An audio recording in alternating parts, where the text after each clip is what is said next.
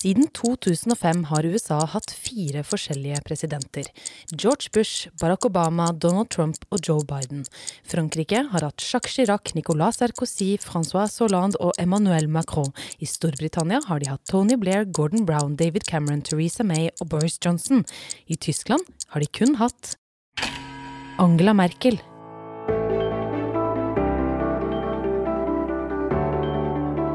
Wir erleben eine globale Krise. Ich habe mir immer gewünscht und vorgenommen, meine staatspolitischen und parteipolitischen Ämter in Würde zu tragen und sie eines Tages auch in Würde zu verlassen. Merkel, eller Mutti som hun blir kalt, har vært forbundskansler i 16 år. Nå er hun ferdig. Men hvem er egentlig verdens mektigste kvinne? Hva har hun betydd for Europas mektigste stat? Og ikke minst, hva skal hun gjøre nå? Du hører på podkastutgaven av Hvor hender det? fra NUPI. Jeg heter Therese Leine. I've been told many times during the last few days that there are very spe special expectations of my speech here today. Hun er ikke en, en, god taler, og hun er litt sånn sjenert, litt sånn unnselig utseende. Mitt navn er Ket Hansen Bundt. Jeg er generalsekretær ved Den norske atlanterhavskomité og styreleder ved NYPI, og mangeårig interessert i tysk politikk. Og hun er en fascinerende dame. Hun kommer fra det tidligere Øst-Tyskland. Hun har slått seg opp i et mannsdominert politisk system som det tyske, som har vært veldig preget av det gamle Vest-Tyskland. Eh, og så er hun en litt sånn ujålete dame som alltid går i sorte bukser og dressjakker med litt ulik farge. Hva er det med Merkel som gjør at Tyskland har valgt henne igjen og igjen og igjen? Jeg tror de har følt at hun har levert på det hun har lovet. Og så er hun litt sånn som folk flest. Hun uh, har ikke noen korrupsjonsskandaler bak seg. Hun uh, møter ikke opp på noen hjemme hos-reportasjer i den tyske varianten av Hør. Hun er hardt arbeidende, uh, og hun er seriøs. Og det har skapt en følelse av trygghet. Merkel hun eh, blir kalt krisekansleren. Eh, det er jo en rekke kriser som hun har måttet håndtere i sine perioder. Hvilke kriser er det vi snakker om da? Ja, hun kom jo til makten i 2005, og da sto EU der uten et felles budsjett og uten en felles grunnlov. Noe som man fikk på plass i løpet av de to første årene eh, Merkel satt ved makten. Men så fikk man en finanskrise som førte til en krise mellom eurolandene. Altså vi bruker jo denne fellesmynten når vi reiser rundt i Europa. Sånn var det ikke tidligere. Alle landene hadde sine mynter. Eh, og her ble det en krise krise om hvordan eh, denne mynten skulle håndteres. Så eh, annekterte, eller snappet, Putin til seg Krim-halvøya fra Ukraina, så det ble en sikkerhetspolitisk krise. Britene stemte seg ut av EU, altså brexit som vi kjenner, eh, og man fikk en ganske uregjerlig president i USA, Donald Trump. Han har vi hørt om. Han har vi hørt om. Og Merkel og han gikk ikke spesielt godt sammen. Eh, men det satte litt sånn forholdet til USA i en annen situasjon enn hvordan det var tidligere. Og så fikk vi altså en pandemi og dette har Merkel sittet og måtte håndtere som regjeringssjef i Europas uh, største land. Mm. Så er hun vel også kjent for måten hun håndterte flyktningkrisen på? Nettopp. Det er den siste store krisen som kanskje er den hun huskes mest for. Dette var jo en brutal krig i Syria bl.a., eh, hvor Europa var litt handlingslammet, visste ikke hvordan man skulle eh, håndtere dette. Folk døde på vei over Middelhavet. Eh, og høsten 2015 så tilspisset det seg. Det kom masse folk. De kom gående oppover motorveiene i Europa. Og hvor Merkel sa at vi kan ikke lukke grensene. Så hun åpnet da eh, grensene i Tyskland. Det gjorde mange andre europeiske land også. Så det kom nesten en million flyktninger til Tyskland. Hvordan har det gått? Det har skapt et nytt politisk parti i Tyskland som er eh, anti-innvandringsparti. Mange av disse flyktningene er jo muslimer, og det partiet er også anti-islamsk. Det har ført til også en polarisering i det tyske politiske miljøet, med de som er for å ta imot flyktninger, og de som er imot å ta imot flyktninger. Freedom has many difficulties, and democracy is not perfect. But we have never had to put a wall up to keep our people in, to prevent them from leaving us.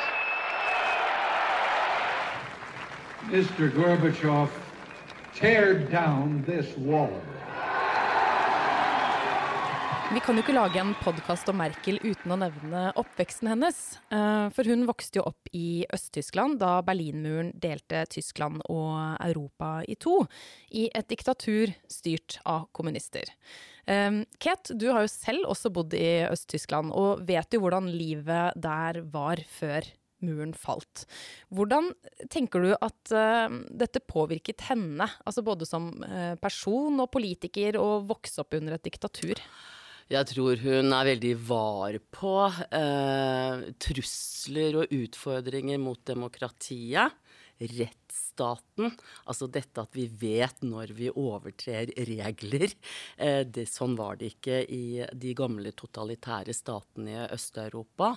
Eh, rettssystemet var vilkårlig. Så plutselig kunne de stå på døren og fengsle deg fordi du hadde sagt noe feil. Den gang så var det på en måte innsatsklare atomvåpen som sto på begge sider av Berlinmuren, i den byen hun jo var store deler av sin studietid. Under den kalde krigen? Under den kalde krigen. Uh, og at det har preget henne i uh, oppfatningen av hvem som er venner og uvenner på den storpolitiske banehalvdelen. Hun er veldig opptatt av USA, uh, og at man skal samarbeide i både over Atlanteren, men også internt i Europa. At man må unngå at det vokser frem nye murer som skiller landene i Europa.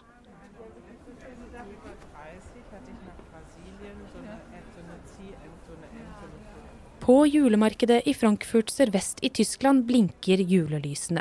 Et gigantisk juletre ruver høyt over takene på de gamle husene som omgir markedet. Det lukter gluvein og spekepølse, og blide fjes kikker inn i bodene på jakt etter en glitrende julekule eller litt julegodt. For tyskerne betyr ikke desember 2021 bare adventstid, men også at Motti er i ferd med å forsvinne fra offentligheten. Selv om Angela Merkel til tross for sin mektige posisjon, ikke gjør så mye ut av seg, er det mye hun vil bli savnet for. Ähm, det er mest av alt hennes forsiktige måte å jobbe på.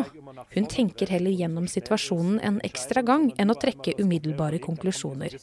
Problemet med de andre politikerne er at de ofte tar for raske beslutninger, sier mannen som står og jobber i en av bodene. Kate, hva vil du si er Angela Merkels sterkeste egenskaper som statsleder? Hun har eh, evnen til å snakke snakke med alle. Hun eh, prøver å løse opp i problemer. Stykkevis, gradvis tilnærmer hun seg en konflikt eller en krise. Prøver å få alle med på laget. Eh, og finne er veldig løsningsorientert.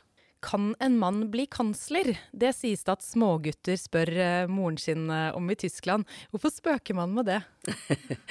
det er jo fordi hun var den første kvinnelige kansleren, og hun har altså sittet i 16 år. Så de som var førstegangsvelgere eh, i år, under det tyske valget i år, altså 18 18 år. De, ikke, de, kjenner jo ingen annen som regjeringssjef, og de gjør heller ikke små tyske gutter. Så derfor så spøker man med dette. Eh, er det virkelig sånn at det er noen andre som kan lede Tyskland enn Motti? Men nå er det altså tid for at uh, Merkel gir over roret til noen andre. Um, og det tyske folket de ville ha Olaf Scholz.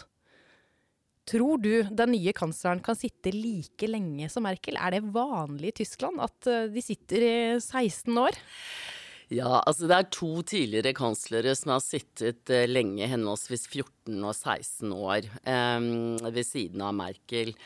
Men jeg tror det politiske systemet har endret seg såpass at han kommer ikke til å sitte så lenge. Den tiden er forbi.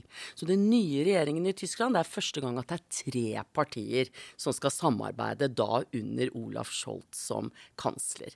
Så Kate, hva er det Merkel skal gjøre nå? Skal hun ta på seg en eh, internasjonal toppjobb, tror du? Nei, jeg tror ikke det. Ifølge seg selv så skal hun sove.